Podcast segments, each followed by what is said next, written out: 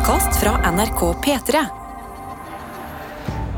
To jagerflypiloter braser inn i et brifingrom på det svære krigsskipet USS Roosevelt. De har nettopp flydd en rutineøvelse over Atlanterhavet og har ikke engang rekke å ta av seg flyverutstyret før de setter seg ned. Pilotene er tydelig opprørte, for de har nettopp sett noe veldig, veldig rart. There's a whole fleet of them. Look on the ASA. Noe hadde nemlig dukka opp på radarskjermene deres. They're all going against the wind. The wind's 120 knots to the west. I løpet av noen måneder dukker objektene opp igjen og igjen. Og pilotene skjønner ingenting.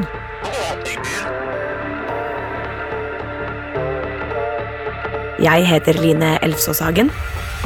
Dette er Ukjent. Episode 2 Hva har jagerflypilotene sett?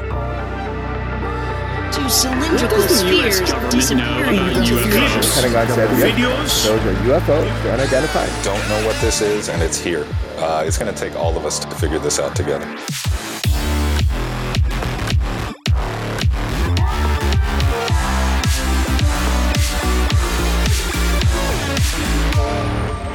It. Her er Torkil Jenterud, vitenskapsmakkeren min og jeg, på vei inn døra til en som jeg var ekstremt spent på å møte. Nemlig en av jagerflypilotene som så ufoene. Og så har jeg en liten tanke i bakhuet sånn Herregud, hva hvis han her faktisk allerede har opplevd first contact? Løytnant Ryan Graves bor i et svært hvitt hus hvor det er helt plettfritt. Og før vi setter oss ned på verandaen, er det spesielt ett rom han gjerne vil vise oss. Yeah. I flere år fløy han oppdrag for marinen over hele verden, og det synes på kontoret hans. Han har medaljer, bilder, flymodeller fra The US Navy, og ikke minst en bit av en vaier fra hangarskipet som han pleide å lande på. Det er på en måte minnestæsj, akkurat som veteranene har på amerikanske filmer. I feel the need, the need for speed. Ryan skal ta oss tilbake til 2014, og vi skal inn i cockpiten på jagerflyet hans. Det hele starta når hans skvadron, The Red Rippers, fikk oppgradert radarsystemet på jagerflya. Den gamle radaren var nemlig fra 80-tallet. We could just see that much better. We could see better fidelity. We could see greater range. Uh, and it, it was like a three or four month process, if I remember correctly. Det tok omtrent tre til fire måneder å skifte fra gammelt til nytt radarsystem. So you might go on one flight in the morning with the ASA radar, Og ASA er navnet på den nye radaren. and you have a flight in the afternoon, and you're using the APG 73. APG-73 var radaren basert på 80-tallsteknologi. Um, and it was interesting because we would we had a control group essentially. So we'd be going out there and we'd hop into a ASA jet and we'd see more stuff on the radar. De gangene skvadronen fløy med det mer avanserte radarsystemet, så begynte pilotene se noe på radaren som de aldri hadde sett før. like they weren't moving in the sky. So it was windy you know. It's say like a balloon or a glider right? We would expect it to blow along with the wind with the current right? Just like you know you drop a cup into the ocean and it's not going to just stay in one spot you know everything moves in the sky and we even consider that in our tactics and our flying it's second nature to us Fordi det de så på radaren, sto helt stille i lufta. Derfor skjønte de ikke hva det var for noe.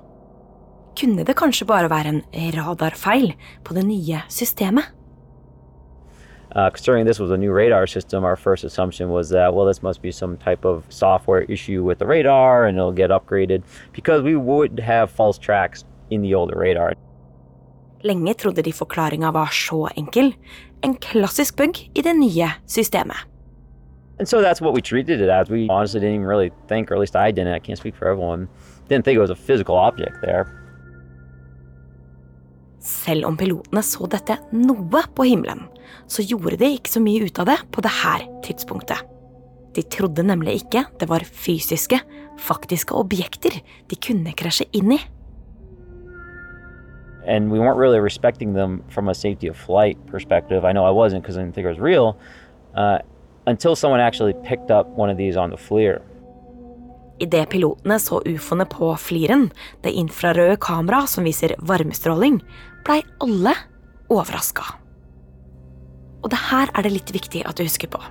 Når vi nå forteller om hva pilotene ser, så var det først ved hjelp av instrumenter. Det er på en måte deres øyne på himmelen.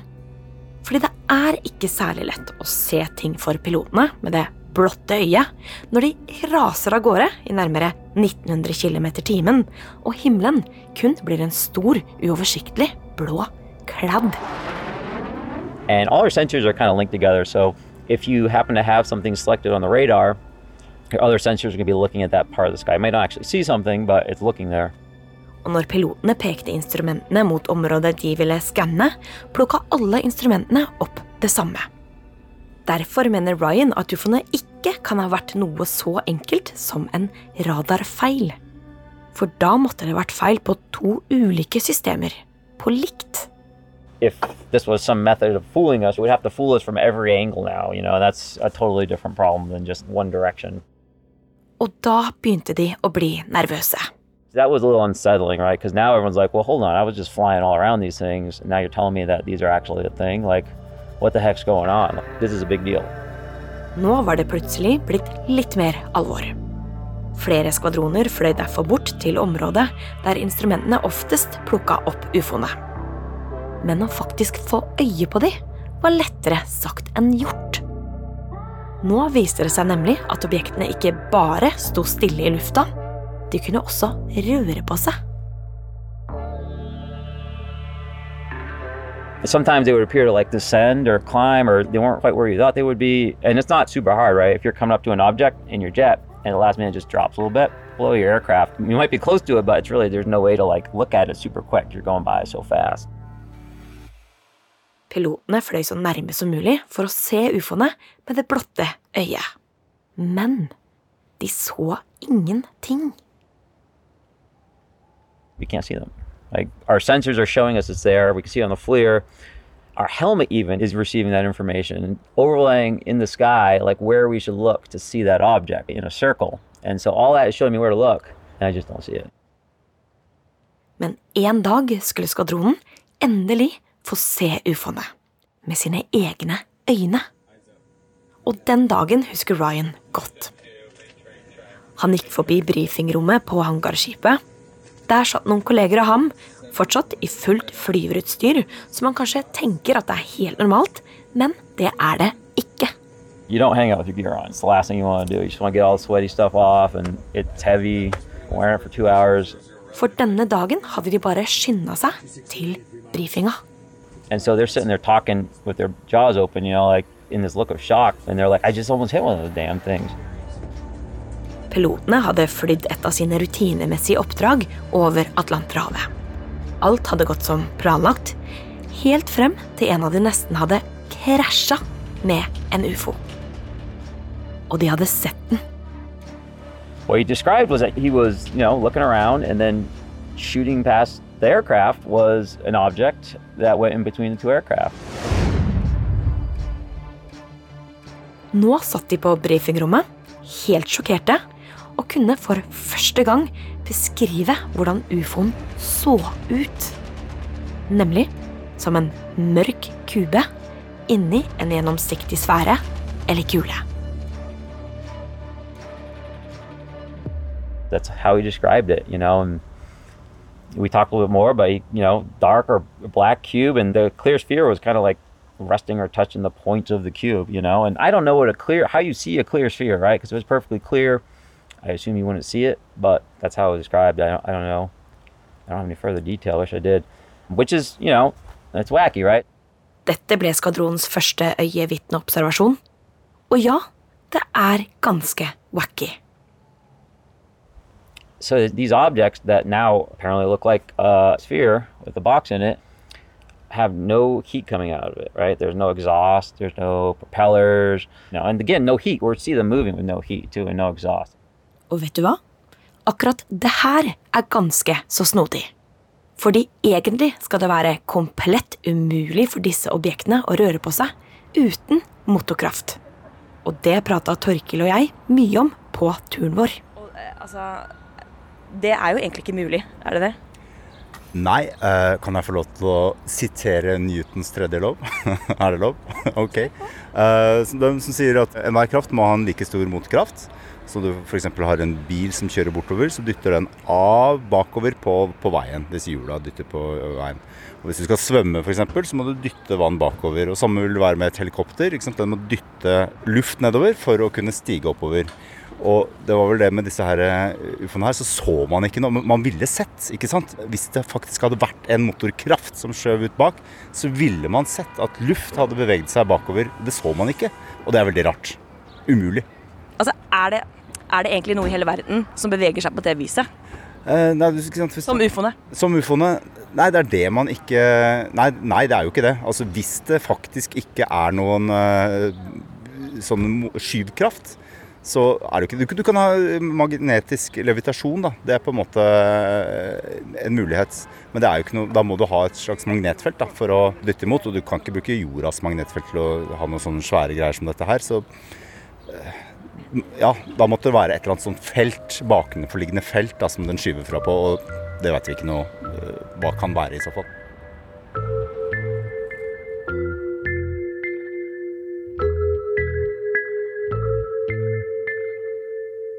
Og så er det en ting til jeg har tenkt mye på.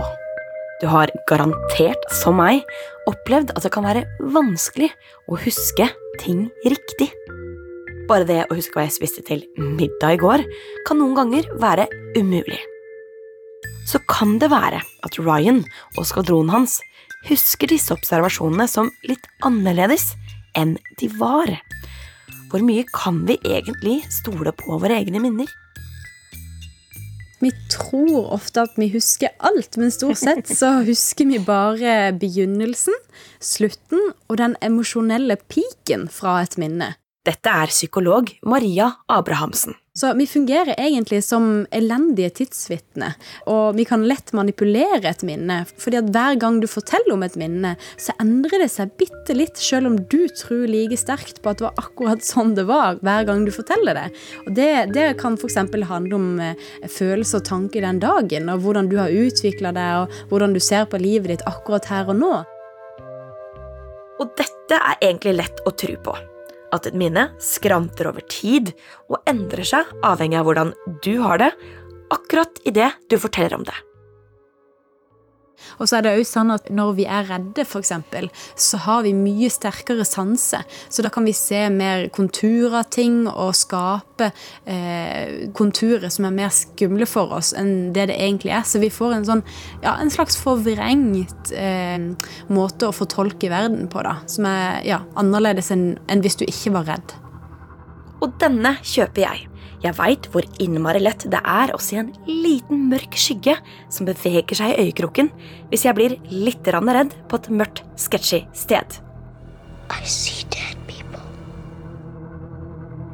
dette dreier seg om en sånn regel, en psykologisk eh, regel som heter the peak end rule, som viser at folk dømmer en opplevelse i stor grad basert på hvordan de følte seg på sitt følelsesmessig mest intense punkt eh, fra et minne, og på slutten av hendelsen, snarere enn basert på hele den totale summen av opplevelsen. Så egentlig kan man si at minner holder seg ganske ræva. Ja. eller de endrer seg eh, fra hva de egentlig starta som, eller hvordan Ja. Mm.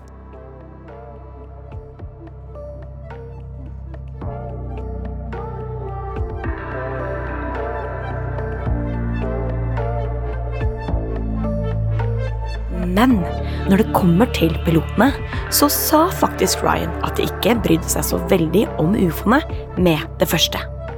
De var ikke stressa eller redde, fordi ingen trodde det var noe farlig. Og så må vi huske det her. Det er tatt videoer fra krigsskip, jagerfly og radarer. De ser det på infrarøde kameraer og flere instrumenter, i tillegg til øyevitneobservasjoner.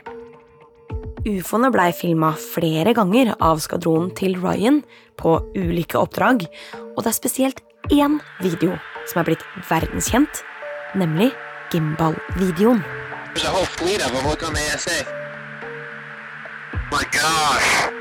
Pilotene du hører, er fra Ryans skvadron, og han fløy sammen med dem på dette oppdraget. You know, on their way back, uh, the particular air crew they picked up something on their radar, and what you see in that video is what they saw on their FLIR. Ryan var litt lenger unna, og fikk derfor ikke plukke opp det samme på sine systemer. Time, I you know I was seeing some on my radar, but I wasn't close enough to look at my FLIR, and I didn't really, honestly, didn't think much of it, frankly, at the time. Uh, but when we came back and landed, I heard that there was you know something of interest uh, going on in the security debriefing space from my friend's flight. Noe uforklarlig hadde skjedd. Igjen. And so I walked down there, and I, you know, again, I had their gear on, and they were, you know, putting their tapes in essentially to look at the video. På briefingrommet satt de foran flere ulike skjermer og spilte av alt videomaterialet som ble filma fra jagerflyet. So I went in there, and like they were spinning up their tapes, and what I saw playing was, you know, what the public has seen in the the uh, gimbal video. Videoen i gråtoner viser et uidentifisert flyvende objekt, litt ovalt i formen, som beveger seg i rasende fart. Men denne gangen var det visstnok ikke bare én ufo pilotene så. På opptaket kan man høre pilotene si det er en hel flåte av dem. På brifingrommet så Ryan en lengre video som viser mer enn det vi har sett. Der kan man se fem mindre ufoer som flyr i en slags trekantformasjon, med én ufo i front og to på hver side litt lenger bak. Det større objektet, som er på denne videoen vi har sett, flyr altså bak de mindre ufoene. Vi kan også høre at pilotene var rimelig overraska fordi ufoene også så ut til å fly mot vinden. All going against the wind. The wind's 120 knots from the west. Whole dude. På dette tidspunktet har skvadronen flere ganger filma og sett uforklarlige ting. Men likevel var dette såpass merkelig at også admiralen, øverste kommandør, blir kalt til brifingrommet.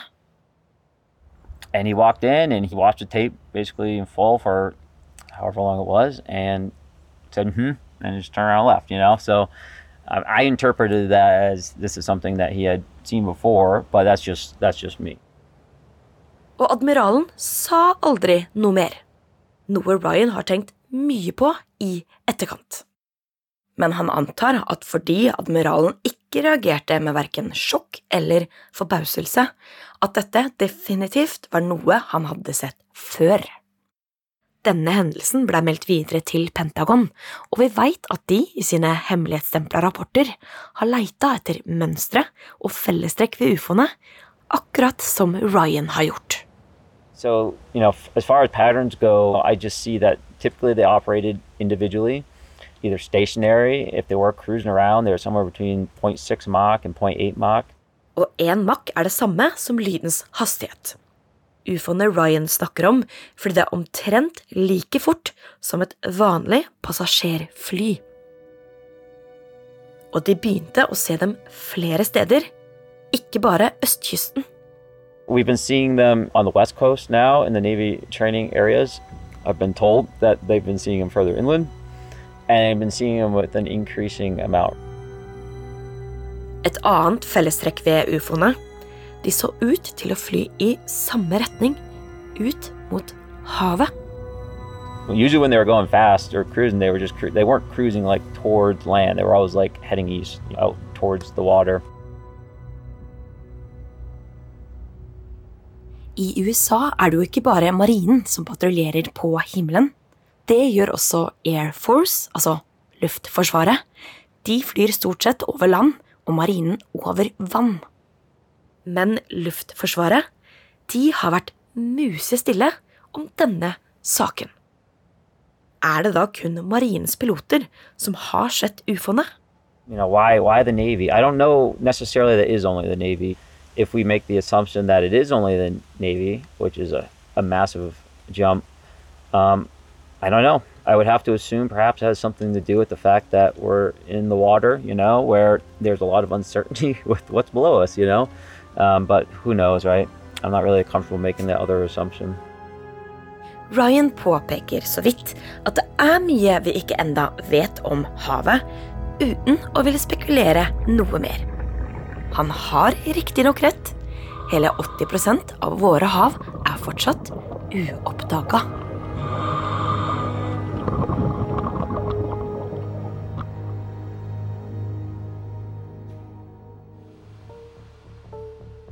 Det er altså mange ulike teorier om ufoene. At de f.eks. har noe med det mystiske havet vårt å gjøre, og at det er derfor kun marinen som har meldt om de. Eller hva med den her? At kjernefysisk aktivitet er involvert.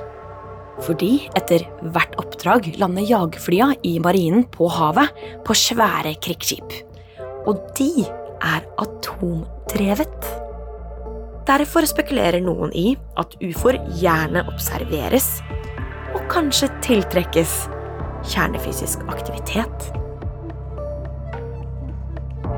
Dette har vært et rykte om ufoer helt siden atomalderen starta rundt 1940-åra, men enn så lenge finnes det ingen konkrete bevis rundt det her.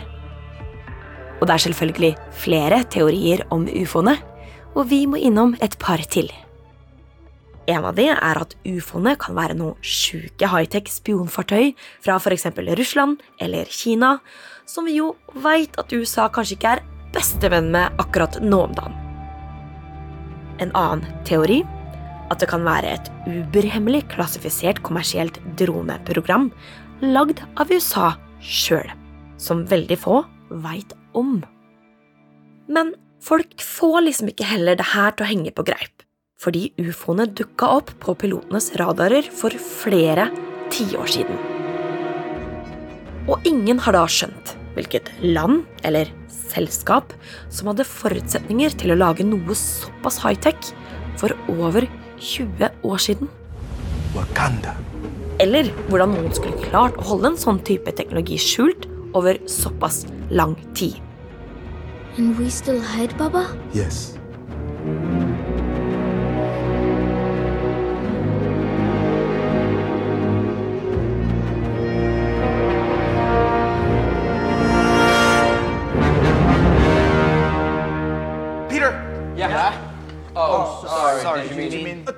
Så har du en annen, relativt speisa teori, men som faktisk er vitenskapelig mulig. I hvert fall på papiret.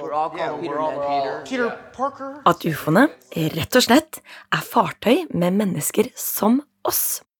Men mennesker på besøk fra et parallelt univers. Mrs. Wang, are you with us?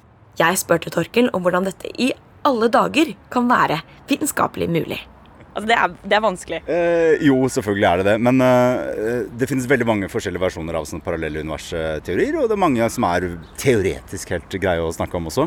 Eh, Den vanligste eh, er kanskje liksom fra, fra kvantefysikken. da. Eh, og da har du Kjenner du til Schrødingers katt? Så vidt. Ja, i- i Hovedideen der er at du har en boks, du har en katt oppi, og så har du noe apparatgreier. Og så er det sånn at eh, hvis du ikke åpner lokket og kikker etter, så er den katta både død og levende på en gang. Men idet du åpner lokket, så blir katta enten dau, eller så lever den. Og så er det en del da, som hevder at sant, sånn foregår det på mikrokosmos. Altså partikler inni atomene. De oppfører seg akkurat sånn. Når du kikker på dem, så blir de enten det ene eller det andre. Og da er en vanlig forklaring, som veldig, veldig overraskende mange fysikere tror på, det er at det da splitter verden seg. Altså du får én verden hvor katta fortsatt lever, og så får du én verden hvor uh, katta er dau. Og da har du på en måte laga to parallelle universer. Og, så, og da kan man jo operere sånn at alle sånne små hendelser da skaper masse sånne parallelle matematiske universer. Men uh, i denne teorien så skal det ikke være mulig å reise mellom disse verdenene, da. Men så har man jo da, kan man jo klynge seg til et sånn halmstrå at, uh, at det skal gå an allikevel. Da, ikke sant? At det kan være en forklaring på hvordan ånder dukker opp i vår verden, eller eh, spøkelser, eller ufoer, da. Ikke sant? Hva, altså, legit eller ikke, følge deg? Altså, jeg har veldig lite trua på det. det er ikke noen måte å, å, bevise det på, en måte. Det er ikke noen, måte, det er ikke noen eksperimenter vi kan gjøre for å sannsynliggjøre det engang. Så dermed så er det like liksom, lite troverdig som å ha en hypotese om at Thor og Odin finnes i Valhall.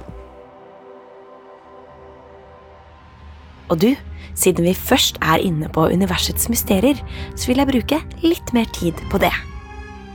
Jeg ringte derfor en fyr som ser mer opp på himmelen enn noen andre, nemlig den verdenskjente astrofysikeren Neil deGrasse Tyson. Yes, hello. Sorry I'm a little late. No problem. Hello. Hvis du er over middels interessert i universet, har du garantert sett en av de mange dokumentarene han har laga. Uh, my name is Neil deGrasse Tyson. I'm an astrophysicist with the American Museum of Natural History in New York City.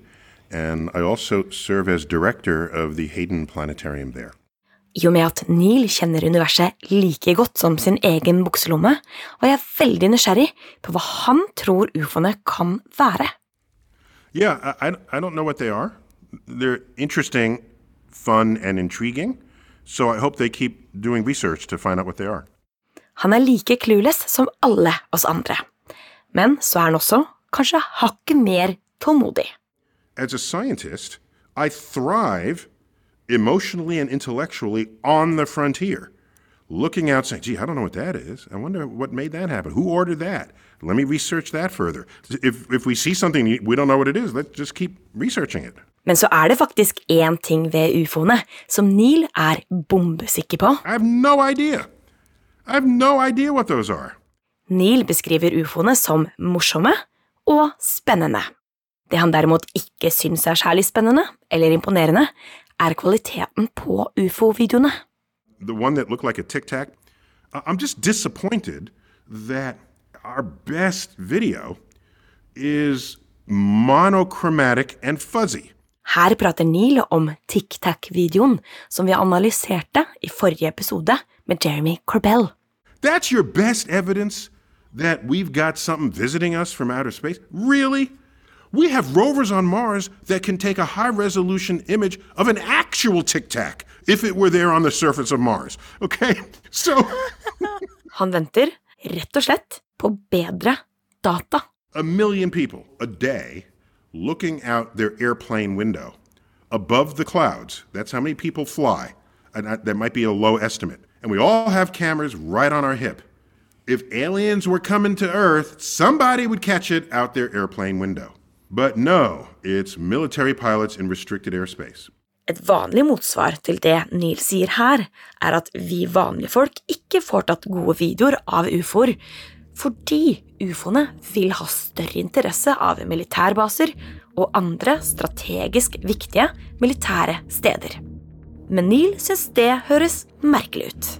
Why would intelligent aliens visiting us from outer space only hang out in restricted military airspace? That's just kind of weird. I would wonder about that. Og argumentet om at fordi militære er spesialtrente til å observere omgivelsene rundt seg, så er det de som lettere ser ufoene, den syns han også er ganske tynn. Pilots pilots, whatever, that, are, are they human? That's all I care about. We know, we've known as scientists, as psychologists have researched this, how unreliable we are at eyewitness testimony. Kort oppsummert, Neil er skeptisk. Og det provoserer mange, deriblant Jeremy Corbell. Neil deGrasse Tyson. What's his problem? Scientific community should be the most fucking interested in this because this this is everything. If this if UFOs represent a technology that we haven't created yet, science got to know, right? Og det er jo kanskje ikke så rart at Jeremy blir sur, siden det var han som slapp Tic Tac-videoen. Men Neil, han lar seg ikke pille på nesa. I don't know why people care so much what I think. You know, they, they get angry when I say, I need better evidence. If you want to tell me something extraordinary is happening, I need extraordinary evidence. Vitenskapsmannen Neil vil ha bedre data. Han mener øyevitner ikke nødvendigvis er gode bevis i seg sjøl, Og han lurer på hvorfor ikke folk som deg og meg har klart å fange ufoer på våre telefoner. Men det betyr ikke at Neil syns vi skal la være å bry oss om ufoene. Han syns militæret bør ta de på alvor. If it is an actual thing, I would want my military to check it out. Because if it's some unknown thing flying in the sky, uh, yeah. Yeah, if it could pose me harm, go check it out. Og han syns vi skal kalle en spade for en spade. At det pilotene har observert, er ufoer. No, no, UAP. Who are they fooling? They- They're UFOs, right? What do you mean UAP? Unidentified aerial phone? You talk? You mean UFO? Are you trying to rebrand it? You know, Mr. Pentagon? Really? Just call them what everyone else calls them. They're UFOs.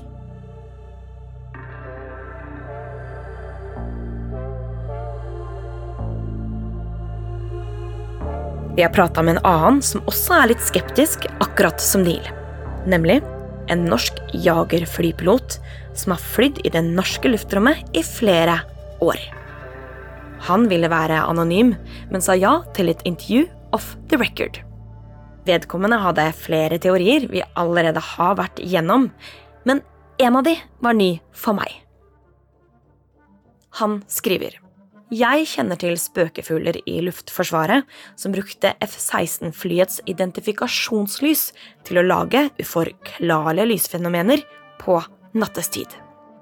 Kan de fire flyverne ha inngått en pakt for å se hvor langt det kan gå? At de har moro på vår bekostning? Militærets til tider overdrevne hemmelighetshold på generell basis gir et perfekt bakteppe. Det spiller smart opp til konspirasjonstankegang.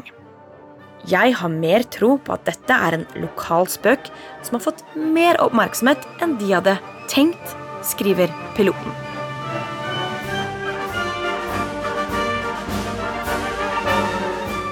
Og jeg har skjønt at det kan være kødden stemning i militæret, noe Torkil husker godt fra sin egen tid.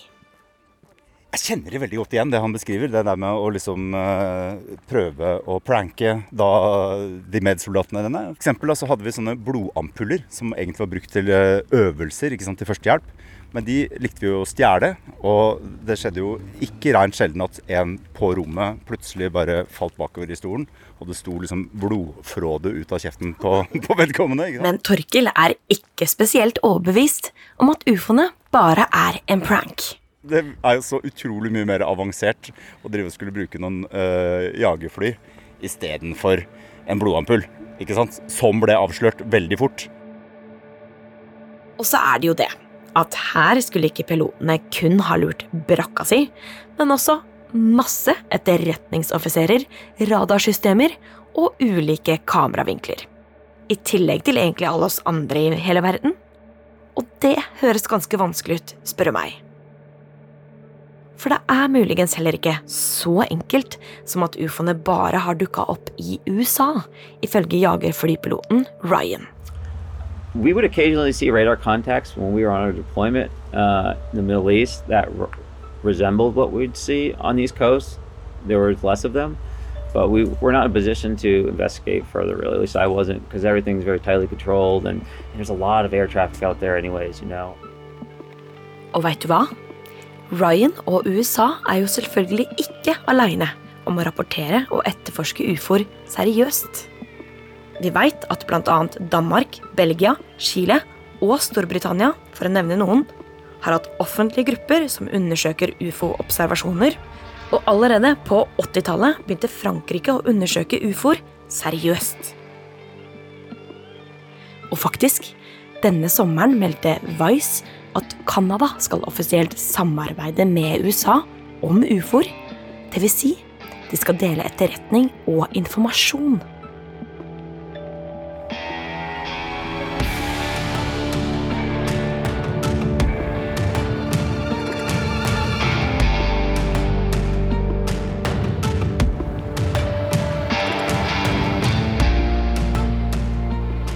Piloten Ryan leiter fortsatt etter svar. Men én ting er han sikker på. Det er noe uidentifisert som flyr rundt der oppe. Skvadronen hans så rett og slett ufoer så ofte at noe må det ha vært.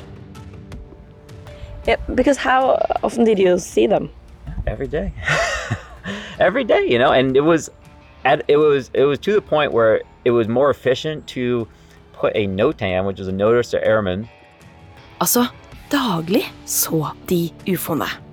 Noe som førte til at det ble sendt ut en permanent notam om at de måtte passe seg for ufoene. Og notam er en advarselmelding pilotene mottar før de flyr, som melder fra om f.eks. svære flokker med fugler, andre fly eller ufoer. uh, and eventually there was a notam permanent notam for or at least a, for a period of time that said there's unknown objects flying around the working areas and keep your eyes up and that's how normal it was Dette skjedde såpass ofte at de hver dag måtte passe seg for rett og slett ufoer. it was just another bucket. It was just a normal thing. And there's a lot of stuff every day that, as a fighter pilot, that can kill you, you know? And so it was just one of many things on the list, frankly, that could have killed us. It was just probably the weirdest one. Ja, det er rart. Og Torkil var ganske skeptisk før vi møtte Ryan, men idet vi gikk fra huset hans, var det en litt annen lyd i pipa. Han virka så stødig og rolig, og han var ikke noe koko whatsoever. Nei, er du gæren? Veldig lite ko-ko. Altså bare Nei. Og så, ikke sant, hallo. Han eh, har uh, gjøtulovn og bergansekk. Ja, Hvor stødig kan man bli? Ja, jeg vet. Og han eh, vurderer å kjøpe en fjellrevensekk til kona si, som Ja. jeg står med på ryggen min nå. Ja. Eh, så nei, jeg vet ikke. Og nå skal denne reisa her faktisk bli enda rarere. Det er nemlig flere uforståelige ting som skjer i vårt solsystem nå om dagen. Uh, sorry, uh, is this the house to Avi Løb? Yeah, yeah. Right over there. Okay, thank you. Sorry. I 2017 fløy et mystisk objekt rett forbi jorda, før det forsvant ut igjen. be something created by advanced alien technology from a distant star. That's Hawaiian for messenger or scout. Vi skal møte en anerkjent professor på Harvard-universitetet som tror dette kan være et objekt eller fartøy sendt ut fra en intelligent alien-sivilisasjon. Det som er litt gøy, er at det er åpenbart veldig kontroversielt. Da. Altså, han får jo mye motbør. Absolutt. Så jeg er litt spent på hvordan han argumenterer muntlig. Om han klarer å overbevise oss, Ja. og overbevise andre også. da. Ja, enig. Og jeg gleder meg til spørsmålet Many people think you are crazy. Ja. What would you like to say to them? Det gleder jeg meg til å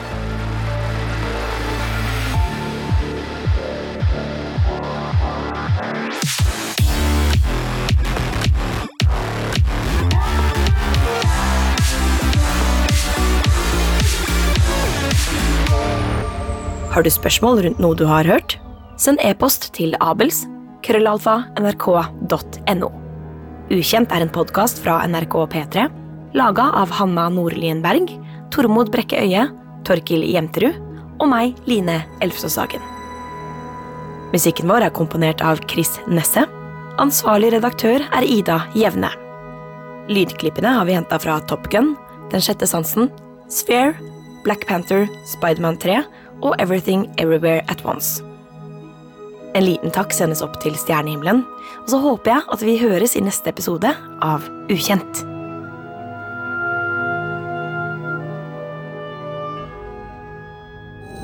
Du har hørt en podkast fra NRK P3.